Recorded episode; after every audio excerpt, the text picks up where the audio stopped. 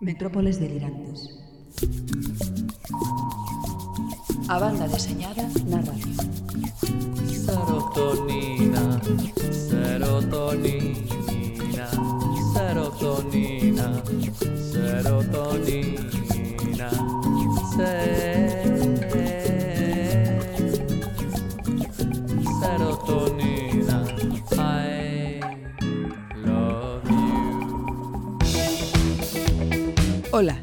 Son Nieve Rodríguez.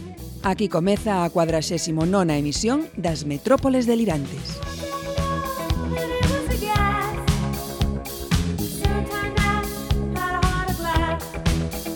O señor B viaxa ata planetas descoñecidos e anota nos imprescindibles unha obra de ciencia ficción saída da sempre atarefada cabeza de Manel Cráneo. Falamos de Destino Ergos. recibimos nas metrópoles a un autor do que somos admiradores incondicionais, un francotirador da banda deseñada que con a pluma amosa a súa visión da sociedade que vivimos, Marcos Prior. Rematamos programa coa sección de novidades a que volta así con máis a comiqueira de Javi dende a librería Agata Tola de Compostela. A nosa técnico, Mía Wallace, xa soltou amarras. Partimos xa.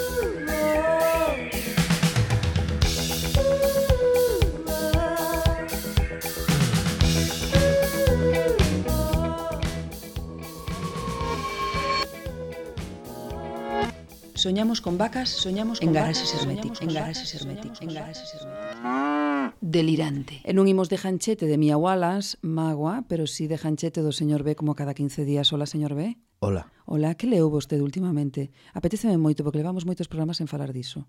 Pois o último libro que lín, que rematei de ler, foi o Paciencia de Daniel Close. Uh -huh. E gustoulle? Gustoume moito, gustoume por suposto o traballo de Close, que é casi un valor seguro, non? Uh -huh. eh, raro é que non che gusta algo que fai Close. Creo que está moi ben, aborda unha temática que prácticamente non tocara, creo que fixe unha fai moitos anos unha historia de ciencia ficción, esta é unha historia de ciencia ficción con viaxes no tempo, saltos, eh, Eh, non fale máis, señor B, que sí, temos non, que animar aos non nosos... Non vou contar, bueno, eso, sabe, eso sabes, eso sabes, se, se vas á página web de Fulgencio, xa sabes de Pero que... eu coñezo, empeza a falar e non para. Sí, tamén pode ser. Eh, nada, teño que decir que o cómic está moi ben, unha banda deseñada moi ben debuxada, moi ben escrita, temáticamente maravillosa e, sobre todo, unha cousa que creo que hai que destacar porque ademais é unha editorial pequena que fixe un esforzo para sacalo adiante eh, unha edición magnífica de Fulgencio Pimentel, creo que das millores que vin na miña vida, e que ademais sacaron o mercado antes que en Estados Unidos. Eso xa é un punto para Fulgencio Pimentel. Eso, eso son moitos puntos. Porque... Eso é amor pola BD e polos seus lectores. Pero vamos, recomendo se non se non vistes, se non tivestes na man ese libro, hai que hai que velo, hai que tocalo, hai que abrilo e hai que ulir esa tinta que ese resendo que bota o libro bueno, non vais a abrir. Maravilloso, maravilloso bo papel, sí. boa encuadernación, un deseño gráfico espectacular. Pareceme Parece un, un gran traballo, Fulgencio. Un excelso traballo, de novo, again, de Fulgencio Pimentel. Xa sabemos os, os nomeados do Saló do cómic de Barcelona. Eh, imos resaltar, sobre todo, eh, dúas cousiñas, verdade? Imos resaltar, sobre todo, que eh, temos unha pequena representación galega, eh, porque está nomeado Jorge Monlongo como autorrevelación, revelación eh, o que puidestes escoitar nas metrópoles fai uns programiñas. E se non o escoitastes, eh, buscade, porque hai unha entrevista fantástica. Sí, non? Uh -huh. De non me pegues que llevo gafas da súa obra. Entrevista fantástica que fixo vostede, non? Non, non, que fixo el. No, eu estaba ali convidada. Ti. Eu estaba ali convidada, somente lle soltabas preguntas. El falou todo o que tiña que falar e é maravilloso que dixo. Despois deste momento de falsa modestia. Verdade, seguimos sí, adiante. Seguimos adiante. Eso está Jorge Monlongo e está nomeado tamén o fanzine Nimio no que hai representación galega. Chamoume moita atención que, que está nomeado a autorrevelación con Jorge Monlongo precisamente eh, Nadar. É claro, porque isto é, a, segunda obra. obra. Claro, isto é o primeiro que fai, non, ese home. No, e aparte eu, cousa breve. É o segundo. Eh, parece ser que nas, nas, nas eh, bases, eh, nas bases da, dos premios de Barcelona eh, poden te nomear a autorrevelación coas dúas primeiras obras pero bueno, non sei se... Menuda bracas, eh? No, pero ademais eh, revelación serás a primeira vez, despois, bueno, non sei, cousas... Curiosas. Cousas veredes. Cousas veredes. Bueno, eh, para todos aqueles que queiran saber cales son os nomeados toda a lista, máis información na página das metrópoles, metrópolesdelirantes.com. Bueno, o señor Octavio Beares, amigo das metrópoles, eh, e non para de darlle voltas á cabeza e arjallou outra exposición, non, señor B? Sí, a BD Galega sempre se move, non? Parece que todos os, todos os frentes eh, temos autores, temos guionistas, temos editores que sobreviven como poden. e no lado da divulgación tamén se moven. Octavio Beares volve a comisariar unha exposición, nesta ocasión para o Servizo de Cultura e Lingua da Deputación de Pontevedra, e unha mostra con máis de 40 reproduccións do cómic galego que irán dende Castelao ata o presente. É unha exposición que se vai marcar nas actividades da Deputación de Pontevedra por mor do ano Castelao. Ajá. Bueno, eu creo que sempre bo sempre bo. Bueno, a primeira, por certo, eh, a, a exposición vai ser itinerante, eso xa sabemos, e a primeira, a Parada. primeira localidade vai ser Porriño. Vai ser o Porriño. O Porriño, sí. Uh -huh. e, que, e, será o día 31, non? Esa inauguración. Sí, pareceme que está moi ben escollido, non? Que parece que solo estas cousas que solo chegan ás grandes cidades, eh, está moi ben que cheguen a cidades de menos entidade ou de de menos eh, poboación. poboación, pero que tamén teñen dereito e que, por suposto, tamén hai que incentivar a BD entre os seus habitantes. Efectivamente. Está moi ben que os cativos se poidan achegar e que pues, eu creo que vai ser unha cousa moi interesante porque, ademais, Octavio é un home cunha cultura excepcional e que terán seguramente moi ben escollidos os cadros que van a estar nesa exposición, vamos, eh, creo que é unha cousa de, para non perder. Para non perderse. Para sí, non sí. perder. Aí está 31 de marzo no Porriño, primeira parada desa exposición da historia da BD dende Castelao ata os nosos días. E xa para rematares, eh, que tem... ah, no, temos a Paco Roca, sí, con la tem... casa que foi premiada. Sí, a cas... la casa de Paco Roca foi elixido o mellor cómic español de 2015, que é un galardón que lle conceden que conceden de hai 4 anos as librerías especializadas integradas en Zona Cómic, que é unha revista que publica a Confederación Española de Gremios e Asociacións de Libreiros, E, bueno, pois pues, conseguiu no, nun ano no que se publicou Corto Maltés, La Caza 44, David Rubín... Bueno, Necrópolis... No sei, É dicir, etc, etc. Etc, etc. bueno, Paco Roca sigue, non, suma e sigue. Este cada libro que saca, pues igual hai que Eu creo que os autores de BD igual hai que preguntarlle a Paco Roca, oye, cando sacas libro. Eh, sí, porque pasou ya Daniel Torres, non? Ese eh, ano non sacar, sí, porque Daniel Torres fixo outro libro que encima coincide en título, que botou un montón de anos facendo, eh, coincidiron en título, en ano, casi casi en mes en de mes? publicación Pois o pobre Daniel Torres quedou aí sepultado pola apisonadora poquinho... mediática sí. dos premios de Paco Roca, que, que vamos que cando saca libro, pois as quinielas están todas feitas, claro. Pois efectivamente. Bueno, pasamos páxina e chegamos xa case que a penúltima, porque, bueno, a última, porque falamos de que está Piqueres de Sair o Finnegan's 4, ese fanzine. Está Piques de Sair o Finnegan's 4, no lado editorial tamén se sigue movendo a de Galega e a pequena editorial Ourensana Foster Edicións, eh, saca este Finnegan's 4 que ademais vai ser o primeiro cunha temática que mm, a miña frase preferida, se non recordo mal, bueno, mi frase preferida porque en castelán Hai cousiña fina aí, sí, non? Nos... A min díximo Papo Rubio que vostede sí. vai repetir, non? Despois do Finnegan's 3 que vai facer que nos agasallou e nos sorprendeu con esa tiriña, eh, con esa historieta, eh, outro agora no Finnegan's 4, non? Sí, vais a publicar unha historia miña.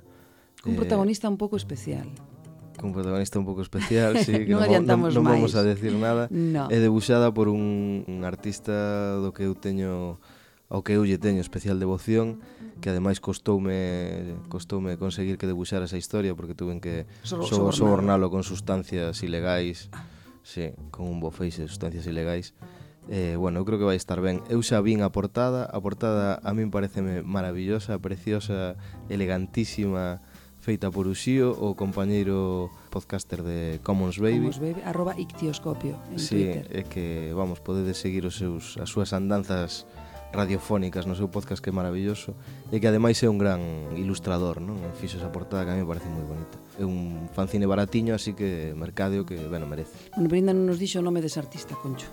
Ah, Dani Xove. Ah, vale, xa pensábamos que estaba inventando vostede cousas, argallando cousas no aire. No, no, no. Dani no, Xove, non? Dani Xove, sí. Bueno, pois pues Agora xa ando planificando o secuestro do seguinte. Sí, non? Sí, porque... Collolle justo vostede a publicar. Eu collollo justo a publicar, pero convencer os autores... Eh... É difícil, non? Uf, Están moi atarefados. Madre mía. Ou son moi bajetas. Tamén pode bueno, ser. non sei, eu tomo yo pelo bastante a, a algún dos, dos que son amigos digo yo que son moi vagos. Non é verdade, non é, non é que pense que, so de, que son vagos, pero hai que decirlo, porque senón se endiosan, sí, non? Enseguida empiezan a decir, acomódanse aí, sí, claro. Je suis le surrealisme. Eh, Je suis l'artiste. Claro. bueno, pois pues aí queda a iminente salida do Finnegan's 4 de Foster Edicións. Agora sí, señor B, partimos. Xa. metrópolesdelirantes.com Love and happiness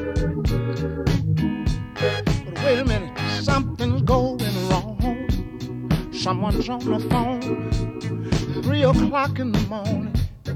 Yeah, talking about how she can make it right. Yeah, yeah.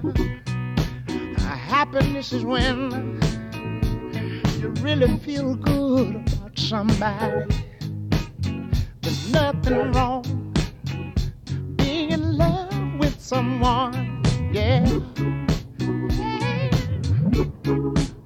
Oh, baby, love and happiness. Love and happiness.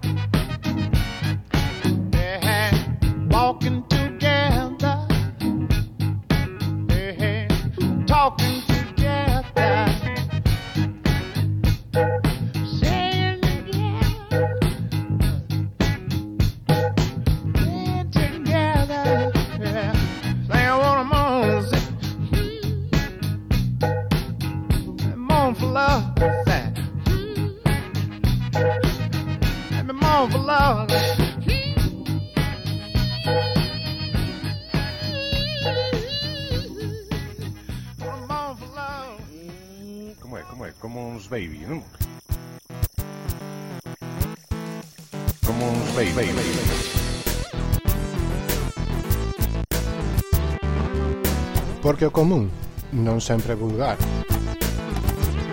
E compartir non é roubar. Escoita Commons Baby, música libre para ouvidos sen parás.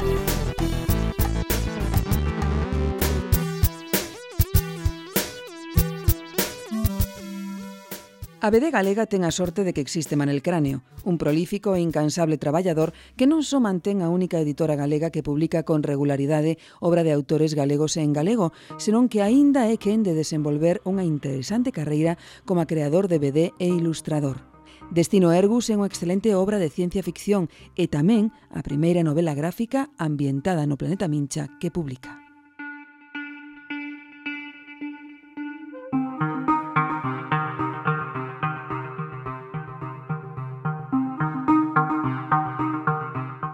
Planeta Mincha naceu na prolífica e inquedamente do seu autor, Manel Cráneo, como unha serie de pequenas historias dunha páxina nas que se describían as distintas especies que vivían neste peculiar planeta.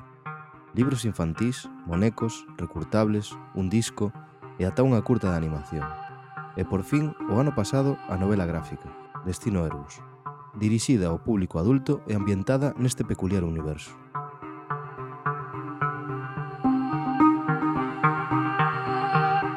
O libro conta a viaxe de dous habitantes mincha, o científico Irflo Pichuk e o longol Tombó, que competirán por un posto dentro do prestixioso Ministerio de Ciencia.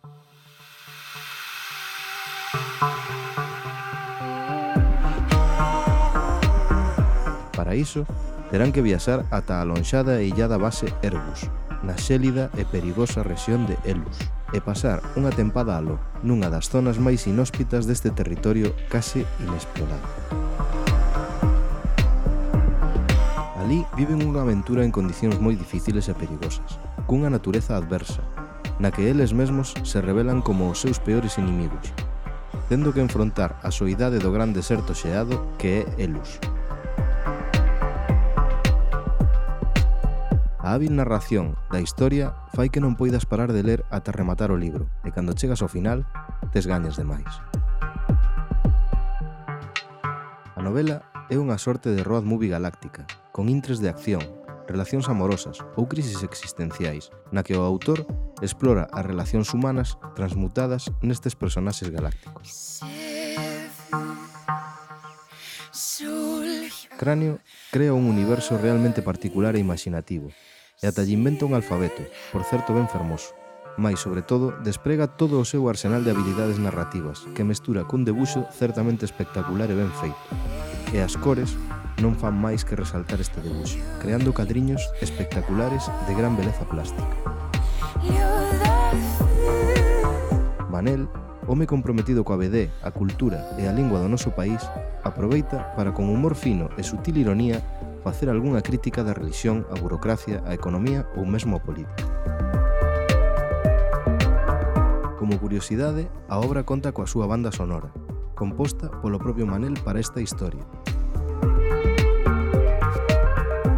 Un libro que non debe faltar nas vedetecas, e que, a máis, está editado en galego e en español.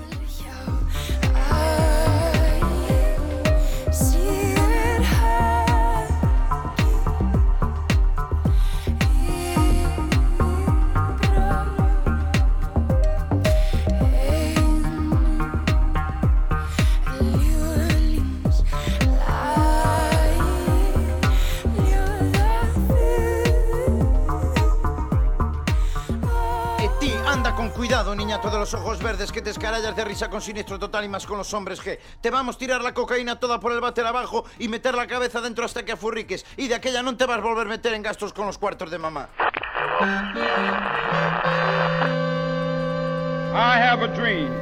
Habitamos metrópoles delirantes. En el cómic, al igual que en otras artes, hay obras de puro entretenimiento y obras que no solo invitan a la reflexión, sino que exigen un lector activo, informado y con la mente abierta a nuevas formas narrativas y temas algo más complejos. El análisis político y social, esa es la constante en la obra del invitado que hoy tenemos en las metrópoles. Marcos Prior, un autor que acaba, como quien dice, de sacar nueva obra con Asti Berry, titulada Necrópolis. Bienvenido, Marcos, y gracias por estar con nosotros. Hola, gracias a vosotros. Nada, por Dios. bueno, vamos a hablar ya de la obra porque tiene mucho que hablar Necrópolis, que por cierto, antes de nada, enhorabuena, menudo tebeazo que te has marcado, ¿eh, Marcos? De verdad. Pues gracias, ¿eh? me alegro que os haya gustado. Muchísimas gracias, muchísimas gracias por el trabajo. Bueno, en Necrópolis somos espectadores de la deshumanización de las grandes ciudades, del colapso de un sistema económico, de la dependencia de un orden frágil y de las terribles consecuencias de esa polarización de las clases sociales, de ese populismo y ese sometimiento también general de la política y la sociedad al circo del sensacionalismo mediático. Nos planteas una distopía que nos es dolorosamente familiar, esa ficción que va camino de ser real, ¿no, Marcos? Eh, sí, también es...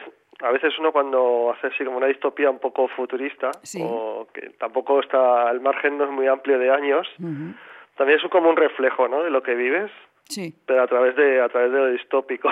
sí, sí, porque hay cosas que ya son reales, ¿no? Como esas urbanizaciones cerradas o esa información hecha espectáculo, ¿no?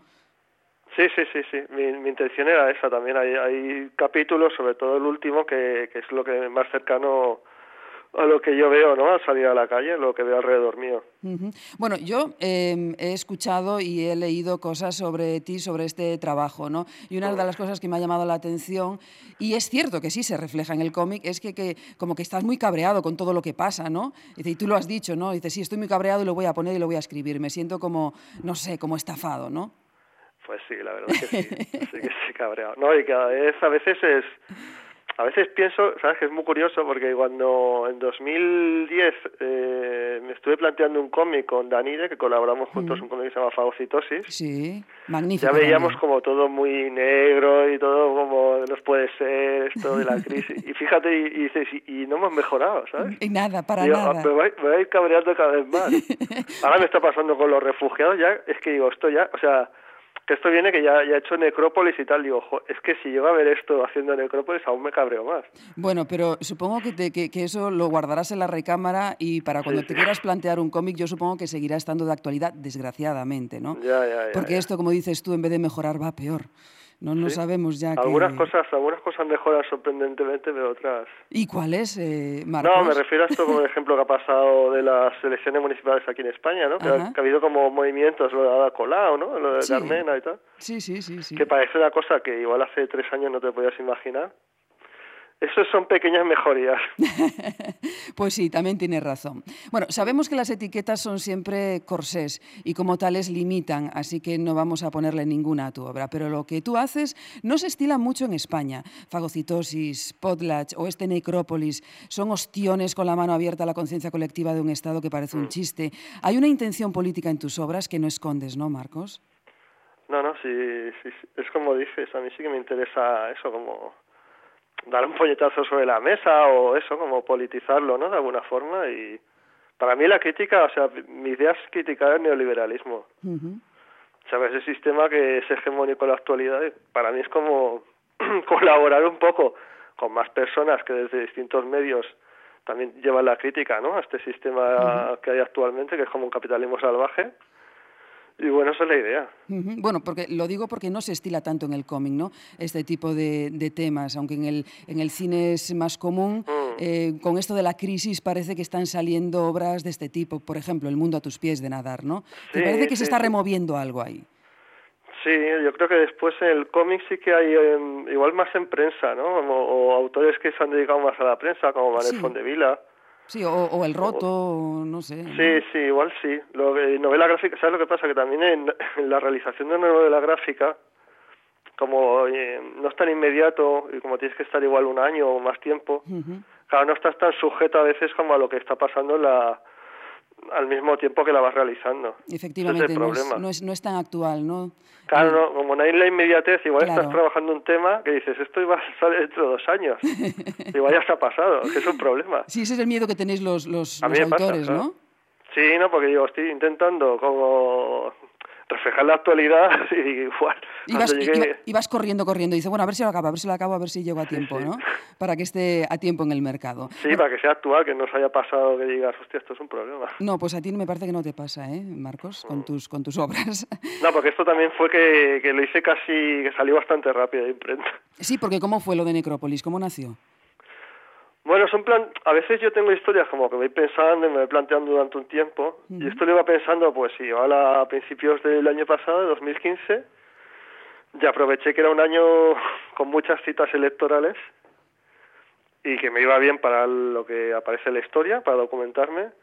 Y entonces ya en marzo ya tenía idea de, ya empecé a hacerlo así en serio. Y iba un poco a remolque también de las elecciones, ¿sabes? Ujú, De ir, en, bueno, de las elecciones aquí en Cataluña y las municipales. Sí. Y la acabé que pensé, quiero que salga como a final de año y que haya aprovechado. Entonces igual la acabé para octubre, noviembre y, a- y al cabo de un mes salió. O sea, salió bastante rápido. Pues sí, veces- y, y salió a tiempo, ¿eh? Porque, Sí, sí. porque en el También me pensaba eso, digo, ahora será cuando salga, la, además que salió eh, cuando empezaba la campaña electoral de las generales. Efectivamente, porque aquí, incluso en el cómic, eh, eh, no sé, no Mm, digo yo, me dice, no sé si Marcos Mm. tiene dotes de vidente porque se refleja en situaciones como ese debate que después vimos en televisión, aquí en Mm. el cómic, que digo yo, Dios mío, qué mente preclara tiene este hombre, ¿no? No, pero eso, es- eso es documentándome con los debates municipales.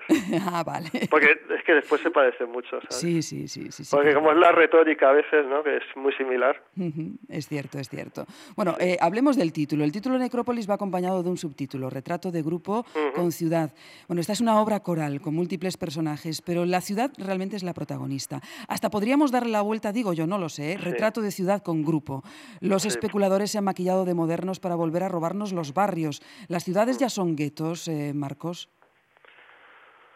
Algunas zonas, algunas ¿Sí? zonas.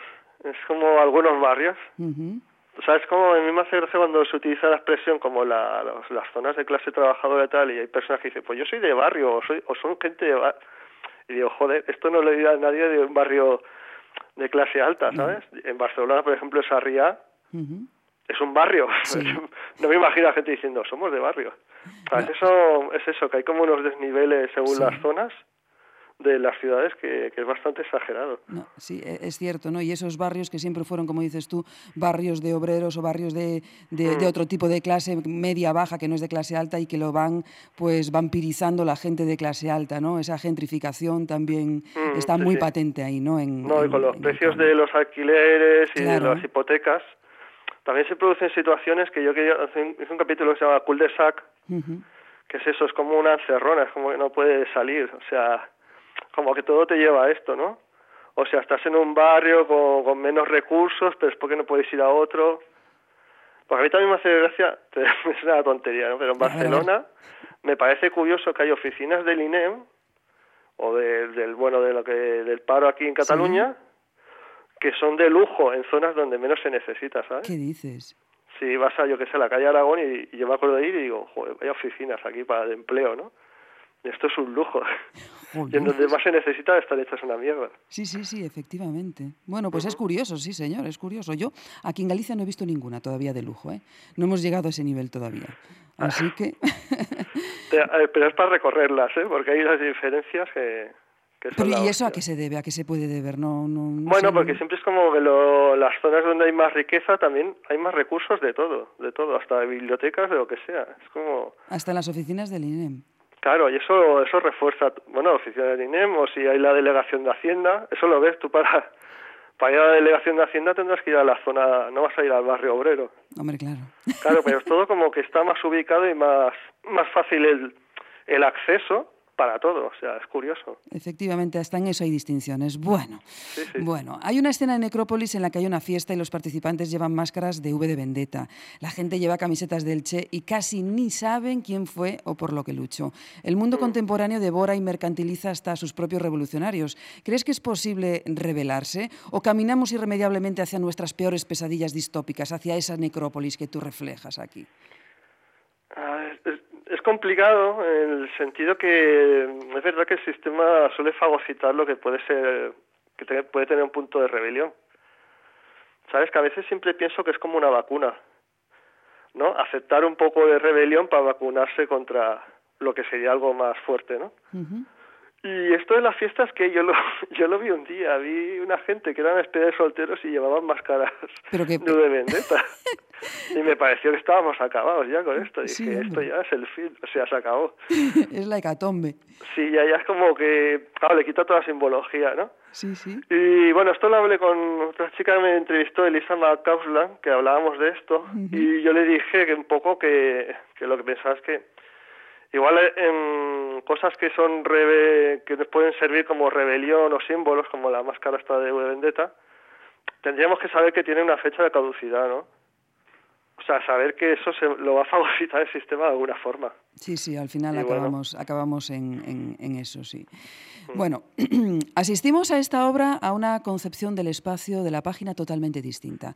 En la composición huyes de la narración clásica, buscas nuevos caminos, otra forma de contar, es decir, también otra forma de hacer pensar al lector, de no darle todo masticado. Es así, ¿no? Eh, sí, sí, también porque yo también lo disfruto más trabajándolo así y como lector creo que también lo me lo pasaría mejor leyéndolo así. Sí, porque bueno, al margen de que es una obra que te hace removerte del asiento, que es incómoda, que para algunos a lo mejor re- ese tema resulta difícil, al mismo tiempo no pierdes de vista ese objetivo que es que el lector se lo pase bien también leyéndolo, ¿no? Aparte de pensar.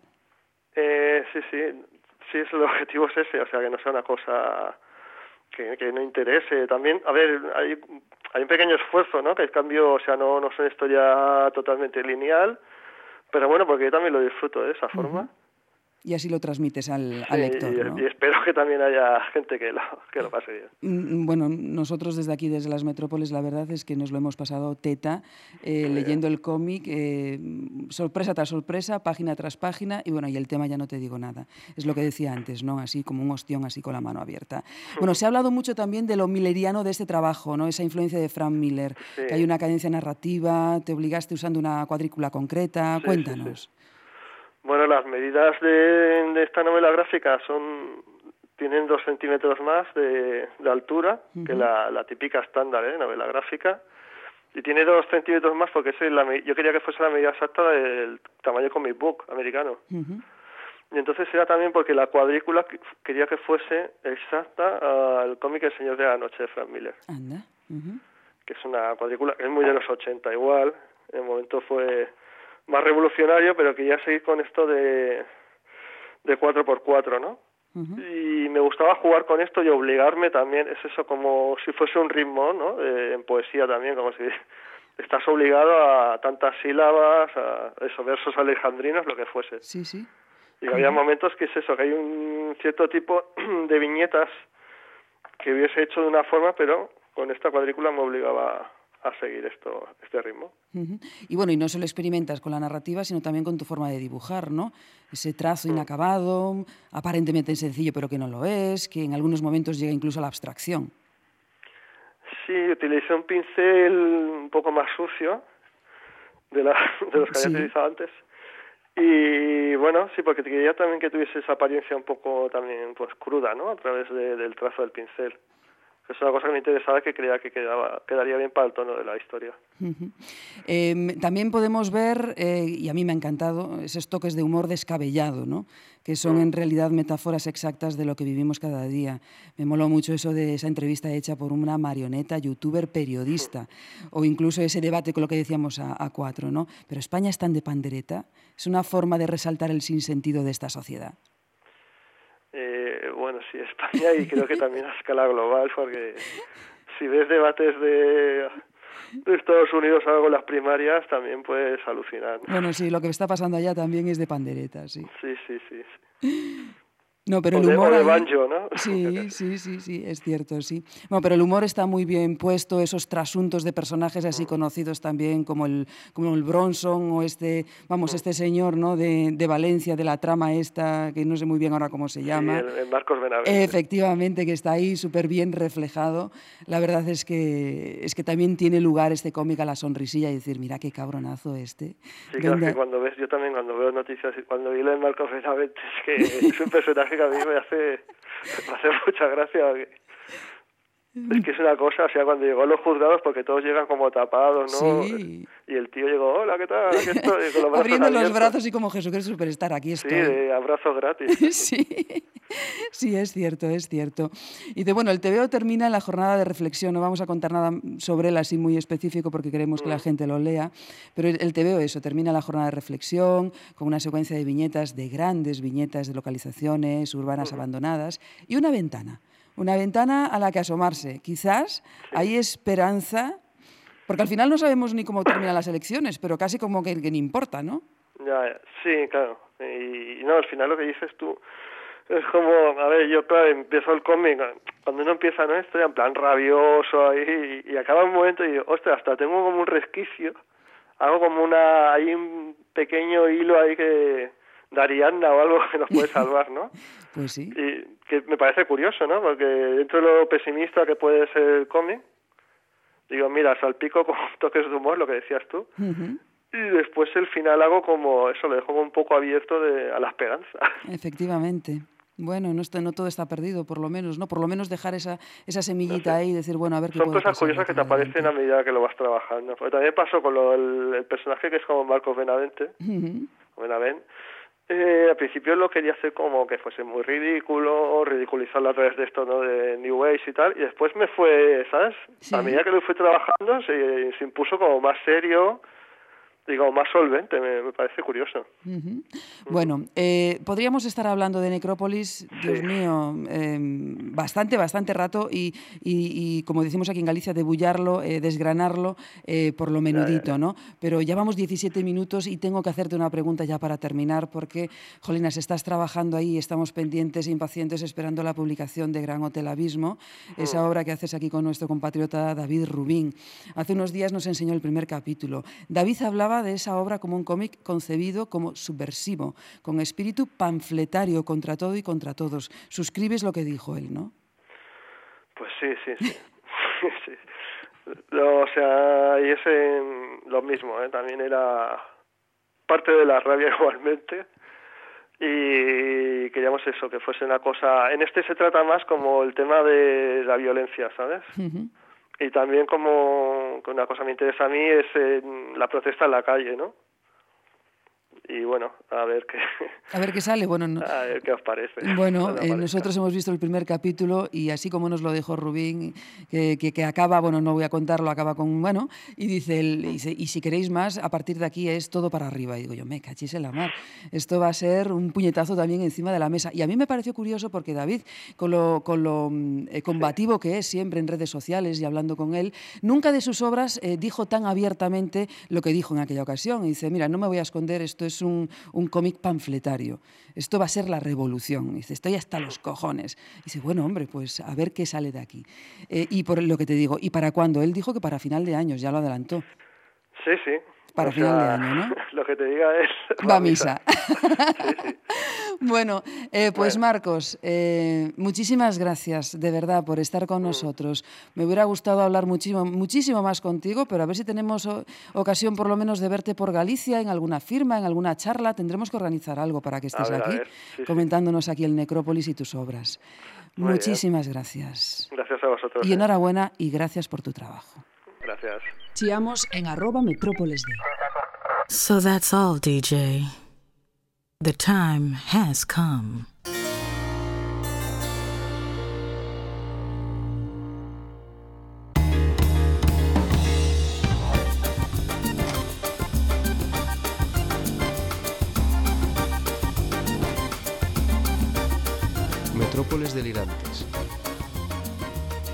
E chegamos ao tempo das recomendacións na recta final do programa. Desta volta chega Javi. Hola Javi, dende a Gata Tola. Hola, Nieves. Que tal? Agotado. Bueno, de esperar el fin, como decía la canción. Mi, mi mudanza intermi- interminable, ¿sabes? Oh, é verdade, pero ainda sigues que a mudanza. Ahora estoy desempaquetando. Tendo en conta que empezou a empaquetar seis meses antes, desempaquetar... Qué pode- mentira. En diciembre Tres empecé. anos. Diciembre, no, finales de noviembre. Bueno, catro meses, eh? Estoy a punto de acabar, eso es verdad. Vale. Ya veo el final del túnel. Sí, caramba, pois eh, ánimo, Ánimo. Bueno, en a mentras, entre mudanza e mudanza e desempaquetamento e desempaquetamento, ti lés. Entón, ves aquí sí. e contas o que máis chaquelou ou as recomendacións túas. Sí. Desta volta, que, que truxeches? Vengo un pouco vago hoy. Sí? Sí, traje lo que me apetecía, pero... no, ya... pero iso mola, mogollón. Te vou facer o que me peta. Intento traer variedad, vas, sí. para que por todos. Ahora todo lo que traigo me gusta. Pois pues, pues veña, ala. A ver, por que quieres empezar? ¿Quieres que empecemos con el de Alestot? Veña. Veña. Mira, creo que está bien. Aparte hablabais con Inés antes de, de lo de los webcomics, y no, este es Sí. un hombre que ha defendido mucho la importancia de la narrativa, ¿no? Cuando él, bueno, Alestot yo creo que más o menos sonará, ¿no? En- yo creo que fue uno de los dibujantes que, que establecía el nuevo, como un- una nueva vara de medir, de decir, cuidado con este, ¿no? Alguien en quien reflejarse y a quien intentar llegar a su nivel, ¿no? Él cuando empezó aún estaba todo el asunto este de las tiras de, de prensa. De hecho, él in- intentó empezar en tiras, pero claro, cuando él empezaba a dibujar, las tiras estaban muriendo y, y se pasó al cómic. Es un tío un poco difícil de seguir porque no, no tiene ninguna obra... Lo más, lo más famoso yo creo que puede ser El Zorro de, que hizo para Disney. Luego tiene historias de terror, bélicas... Bueno, varias cosas. Trabaja también con superhéroes, ¿no? Pero bueno, yo creo que es un- uno de los grandes, ¿no? Un autor muy importante, tanto a nivel gráfico, que insisto en que creo que puso un, nuevo listón, ¿no? Y como a nivel narrativo, ¿no? Todavía preocupado de esos creadores preocupados por contar la historia. Hay una frase de él, ¿no? Que le preguntaban de qué, qué opinaba de los nuevos cómics a todo color, súper dibujados, y él decía que se podrían llamar cómics si se preocupasen de contar algo, Claro. Más que ser bonitos, ¿no? Efectivamente, de que luzan, non? Que no digo que no luzca esto, eh? yo creo que él luce y es bonito, ¿no? ¿no? E aparte está feito en branco e negro, que supoño que debuxar, eh, facer un cómic en branco e negro tampouco debe ser doado, eh? Porque para que non cargue moito ese branco e negro. Eso que se lo preguntan a los que dibujan. Eh, tamén é certo. ¿no? Sí. Eh, es un hombre que es, empezó, la preocupación por la anatomía, por el, el equilibrio en la página. No, ya lo estás viendo ahí. Sí, sí. Bueno, todo esto est- estoy hablando del recopilatorio de Planeta Agostini, ¿no? Que 25 euros y recopila pues historias que hizo para Creepy, para Erie, como se pronuncia eso. No, casi todos de temática de terror. Bueno, hizo mucho también cómic romántico. Esto ya es para gente que le interesa un poco, ¿no? Yo creo que la historia del cómic. Es de estos cómics que cuestan un poco de leer por, por la densidad que tienen de, de texto, yo creo, ¿no? ¿no? No son historias, eran historias hechas para que te cundieran, ¿no? Que hicieran un poquito de bola. Eso que son difíciles porque... Bueno, estamos acostumbrados a otra cosa ahora, Efectivamente, porque ¿no? che fan pensar e dices, bueno, vamos, aquí hai algo máis que, como decías ti, que viñetas, non? Más hablo de la cantidad de texto. ¿no? Yo creo que ahora se intenta reducir el texto. De inten- Hay una preocupación muy grande, bueno, es mi impresión, vaya. Sí, sí. Y generalizar con un mercado tan amplio siempre es difícil. Pero por no, no ser redundante. ¿No? He hablado de esto aquí, del Capitán América, es el ejemplo que pongo siempre. Te voy a meter con mi escudo, eso ya no lo dice, echar el escudo para atrás y ya lo ves. Claro. Pues aquí no, aquí todavía hay esos textos que te cuentan lo que está viendo el dibujo. Bueno, pues aí queda esa primeira recomendación. Creepy presenta a Alex Todd. Ah, hay un ejercicio súper guay para estos cómics viejos. Puedes A hacer ver. en los míticos estos de ciencia ficción clásica o terror clásica. Te puedes leer el cómic, se lo puedes leer a alguien sin le- verle los dibujos, solo leyendo los textos y la historia ves que se está enterando perfectamente. Ah, bueno, pues mira, aplicamos eso. eh, Alex Todd, Planeta Cómic, e decías ti que sobre... No, ese vale 25 euros. Lo mira, 25. Como siempre me olvido, dije yo voy a Vale, mirar lo que es el único que no viene puesto y no voy a quedar mal. Bueno, pues aí está, 25 euros. Seguimos con Eh, el Orbitador. El Orbitador. Xa o nome xa é El Orbitador. De el quen Orbitador, pues de Warren Ellis y de Colin Doran. Yo creo que aquí el conocido será Warren Ellis, ¿no? Tras Metropolitan, eh, Authority, el inventor de los widescreen comics, todo esto, ¿no? Y luego Colin Doran, bueno, pues es una dibujante, yo creo que lo, lo más famoso que, que- que ha hecho es Sandman, creo que es lo que a la gente más le sonará, ¿no? Lo traje porque hay una escasez preocupante de ciencia ficción en el cómic. Y ciencia ficción dura ya mucho más, ¿no? Que, que yo creo que es la verdadera ciencia ficción. Lo demás, bueno, fantasía. Son sucedáneos. Bueno, yo creo que una historia de amor en el espacio no es ciencia ficción, es una historia romántica, ¿no? Entonces yo creo que la ciencia ficción tiene que tener esa precisión o esa eh, preocupación por hablar de la parte científica o, o física o biológica o lo que tú quieras, pero el Titanic en el espacio es el Titanic, no es no es ciencia ficción. Eso pienso yo, vaya. Entonces yo creo que sí, que la ciencia ficción dura es la verdadera ciencia ficción y aunque leyéndolo a veces no te enteras de mucho de lo que te están contando, ¿no? De es que el espacio se pliega por la gra... Me, vale, bien, no me entero, pero me da igual, la historia mola muchísimo. No, aquí eh, nos presenta un futuro, bueno, no sé si distópico, pero un futuro de todo se ha ido a la mierda que tanto le gusta. Y bueno, el programa espacial cancelado y una nave que mandaron hace tiempo que se perdió en el espacio, vuelve, no saben cómo vuelve y es todo como, pero esto es imposible, pero es que es. Este tío no puede estar vivo, pero lo está. Esto no pudo ir ahí, pero fue. ¿Sabes? Y es todo como, quiero descubrir todo eso y te mantiene ahí en tensión. Y aparte lo vas descubriendo tú con los personajes, con los protagonistas, ¿no? Te hace, te mete mucho en la historia. Me gustó mucho. Ajá. Me gustó mucho, estaba, no estaba editada aquí, se había editado en inglés, pero creo que es del principios, de, principios del 2000, 2003, 2004, por ahí, ¿no? De Vértigo. ¿Qué te de parece vertigo. la pinta? Buena pinta, eh? Te gusta la ciencia no, ficción? No, sí, sí, a min gustame, sí, gusta, pues. gusto, gusto da, da ciencia ficción. E mira, ECC Ediciones, eh, 13,50. Qué barato, eh? Sí, está sí, ben. Sí, ¿no? sí, sí, Tapadura, sí. yo creo no, que... No, e aparte está moi ben editado, eh, ten unha portada super chula. Se va a acostumbrar la gente y la ciencia va a tener problemas.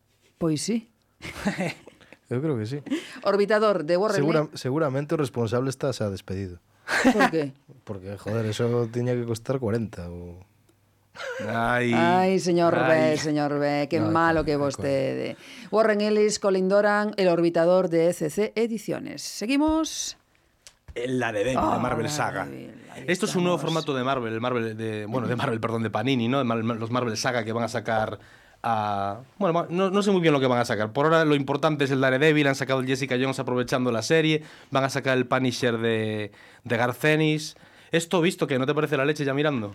Pois sí, a verdade, espera, déixame ver. Pues no, no es la leche. ¿No? Esta, no, no. Yo creo que con Daredevil hay que ser muy crítico, porque el Daredevil ha alcanzado las cotas más altas de calidad en el género, ¿no? Yo creo que, para mí, Daredevil es el más guay.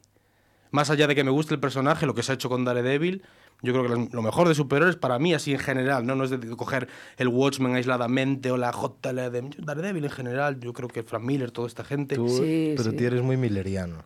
Yo soy bastante milleriano, sí. Claro. Pero bueno, me refiero. Me gusta mucho el Daredevil de Miller, pero luego aquí viene. Bueno, lo que os iba a contar, que luego me lío. Esta- aquí empieza con a Kevin Smith, ¿sabéis? El, el- vosotros habéis tenido un videoclub, ¿no? ¿No habéis un videoclub? Sí, sí, sí, sí, Pues sí. el director, ¿no? De Dogma, Clerks, todo Clerks. esto. Ha hecho unas cuantas cosas en cómic, estas de las primeras incursiones, y yo creo que resuelve bastante bien. No me parece la mega leche, pero es que esta colección va a ser increíble, ¿eh? Increíble. Cuando acabe esta etapa tenemos una etapa un poco flojita después, pero luego viene lo de Garcenis que lo traeré y lo de Brubaker que es de lo más guay que se ha hecho con el personaje. Está chulo, eh. Está bonito, eh. Jolinas, as composicións de páxina e todo... Quesada, cuidado. Merece la pena. Bueno, pues ahí está, ese Daredevil de Panini Comics. ¿Y esto qué, cómo se llama? Hardcover, No, no, tapadura, de... pasta, lo tienes No, ahí no, al lado. eh, xa sei que isto é tapadura, pero no, no.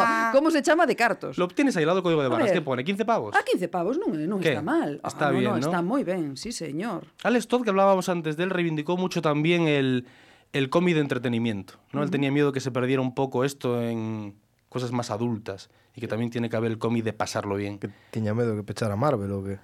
Bueno, él supongo que empezaban a aparecer esas cosas, ¿no? Cuando él lo dejaba así los, por Esas los cosas 80. serias, ¿no? Sí, sí, todo muy enfocado ya. Fue cuando creo que los superhéroes y las editoriales empezaron a decir, uy, tenemos aquí el público adulto importante, ¿no? Incluso los, los títulos más ligeritos se pasaban a, Eso, eso a non di unos temas. del, eh? No, eu, eu imagino a Alex Todd pola súa casa coas maus así en alto, non? Dicindo, Dios mío, la juventud quiere pensar, por Dios. Esto es como en los videoclubs cuando compran la cinta para gente cool y No descuidan, nadie. descuidan las cintas entretenidas. ¿sabes? Hay que, tiene que haber de todo. Está bien que haya Pero, cómic. pero experimental. está, está Nicolas Cage. Es verdad, tiene razón. Está Nicolas Cage. Con ter pelis de Nicolas Cage xa cubres todos los, todos los flancos los frentes. posibles. A- Ayer me encontré en la tele el motorista fantasma 2. Dios mío, ¿eh? ¡Ostras! Madre. Dios mío. Si aún, Sí, si sí. aún era terrible. Yo la primera la conseguí ver con una ducha de por medio. La vi, paré, ducha y seguí viendo. Pero la 2 es, es, es realmente horrible. Merece la pena verla por lo horrible. Sí, sí. Serie B. Miradla. Serie Z. Serie Z. Increíble. É porque, é porque non hai máis, non? Increíble. Non hai máis letras. Imos con... Con Manel Fondevila. Fondevila, Sí, que, ha que se ha sacado de golpe. Este creo que traje, creo que es el segundo. Bueno, son dos iguales. De las nuevas aventuras de Emilia y Mauricio. La ¿no? parejita. Yo sí, yo creo que Fondevila, la parejita para ti que eres joven. ¿No? Cualquiera que haya agarrado un jueves, que seremos más o menos casi todos, ¿no? Sí, Viaje sí, en sí, tren, sí, visita sí, a cuarto sí. de baño en algún momento. ¿no? Sí, y ahora tiene señor. estas tiras de, de las aventuras ahora de Mauricio con, con, con el hijo. Impresionante. Te partes. Sí, señor. Te partes. Yo soy muy fan de Fondevila, me gusta mucho. Fon, Sí, Fondevila é un dos que- grandes humoristas do cómic Sí, español, desde sí, logo. sí, yo lo creo. Y, y realmente este, los dos volúmenes que ha sacado son increíble, te ríes muchísimo, muchísimo, lo recomiendo mucho. E ademais é un estajanovista, porque o que eh, Fondevila non para. Sí, é outro deses que non, non para de facer cousas e de traballar e de... Tiras en xornais, libros, eh, orgullo sí, sí, e satisfacción... Sí.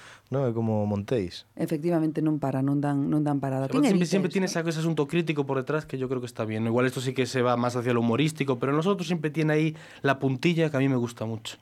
A mí el, el que sacó con Steve el de No os indignéis tanto, que aparte era muy Sí, baratillo, nueve sí, pavos, sí. creo. Eso estaba, a mí me parecía estupendo. Bárbaro, sí. Estupendo. Sí, fixo aí un, un, un traballón. Que precio ten e quen Al lado do código de barras. De bolsillo, edita de bolsillo. De bolsillo, non? Eh, o prezo está 12.95, está moi ben. Tamén. Todo super asequible ahora, sí, eh? Señor. Que tenemos aí un aluvión de novedades este mes. Uf. Efectivamente, sí, señor. Eh, e por último... El Tebori de Robledo y Toledano. De Robledo Esto- to e Toledano. Sí, los conocéis, son los de Ken Games, puede ser lo más tal. Estos son también, mira, una de las cosas que ha tenido bueno en las, las Eu carreras. Robledano solo coñezo a Miguel, que é un auténtico e un... Ma... Robledo. Ah, Robledo. Non Robledano, Robledo. Ai, verdad. É Miguel Robledo. Pero ese tamén é Robledo, non? Robledano. Ah. Estos son. sí, ro- no, to- ¿Qué dije? Robledo y Toledano. Ri- Dije Ah. Robledano, ¿qué dije? Toledo y Robledano. oh, maldita dislexia. no sé lo que o mellor fun eu tamén, eh, que eu tamén son medio disléxica. Bueno, igual, bueno no? pois pues confirmo, eu o único Robledo que coñezo é a Miguel, que é un auténtico artista. Temos que aclarar que estamos grabando isto pola tarde, que non é de noite, non hai copas. Non, no, no, no, de verdade, non nos ente... hemos tomado nada. A pesar no. de que pensan, algúns somos xente relativamente seria. Ajá. bueno, Eh, pues sigue. estos, nada, compañeros de carrera, ¿no? También de, de Bellas Artes, creo. Empezaron a trabajar juntos desde que se conocieron, primer año de carrera. Y, y bueno, han sacado cositas. Por ahí teníamos el taparroja, tienen, bueno, tienen alguna cosilla por ahí, tampoco demasiado, bueno, eh, está bien, ¿no? Pero creo que lo que les dio ahí la fama fue el, el Ken Games que sacaron ya hace algunos años, ¿no? Para Dargauz, editan en Francia. Am, bueno, casi me, me es más fácil hablar de Ken Games que de este Tebori que, que acaba de salir, ¿no? Entonces, eh, sin quererme irme al Ken, sin querer irme al Ken Games, eh, los tintes son parecidos, ¿no? Un, un thriller entretenido. Yo creo que hacen cómic europeo, pero con alma americana, ¿no? Muy eh, la acción, la manera de tratar los personajes, no tiene la pausa que tienen los autores franceses muchas veces, ¿no? Esto va más es, es un lenguaje más directo.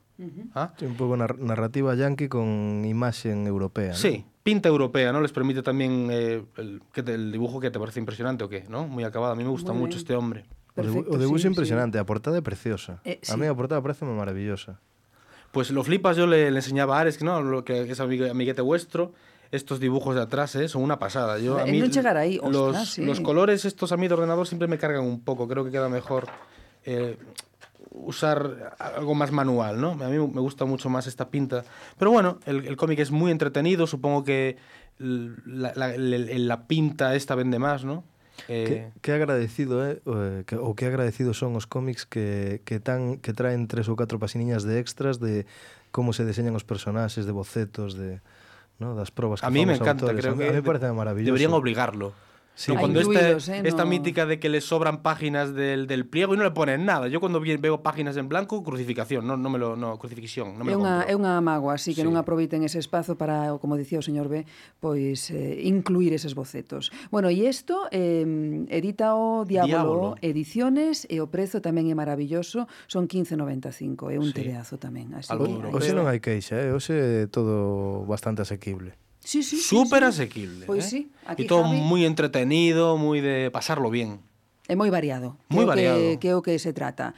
Bueno, Javi, moitísimas gracias. A vosotros. Eh, que vaya ben esa, ese desempaquetamento. Ai.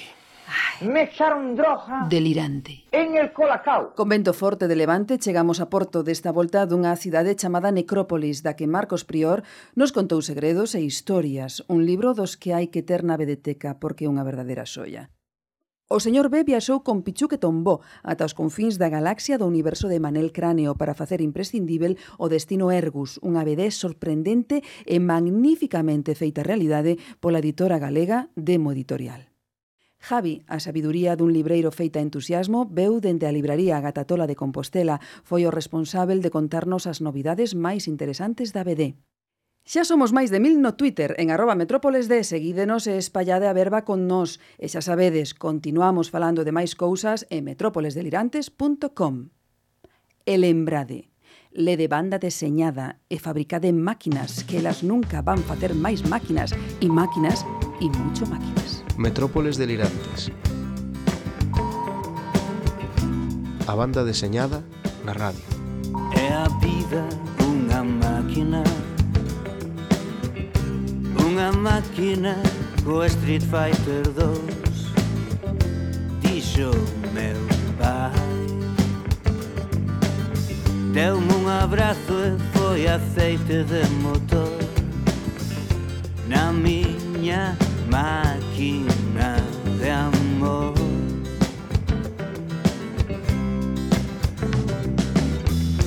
Non é que os máis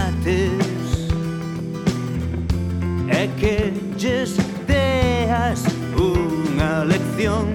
Non teñas medo e comproume un bate de béisbol.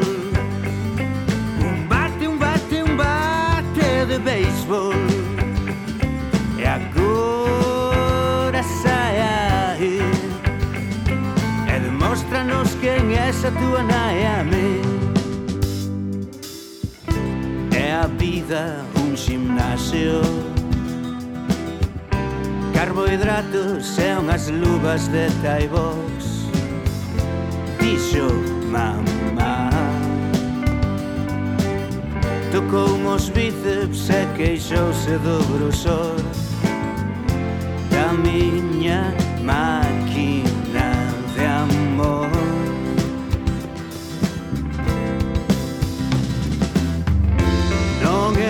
é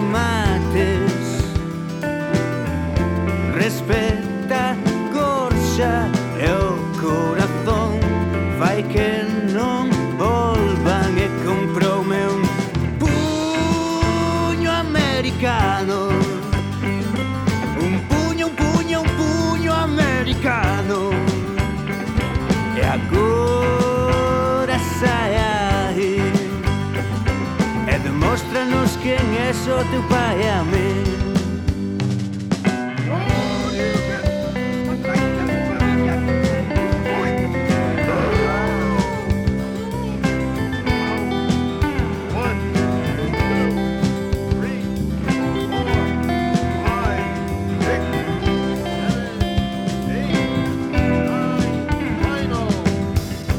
Esa árbore que vai caer confiemos en que caia cara atrás Di unha canción que lembraba na ambulancia de camiño do hospital. A miña mãe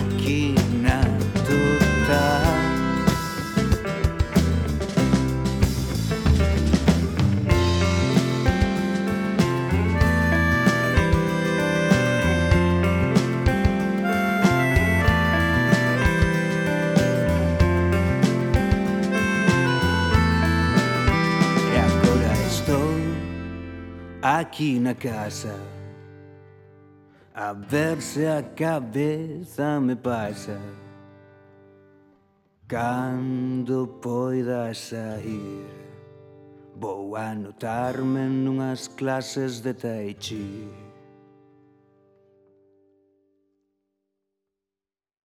Isto vai ser unha carallada, sabe, verdade?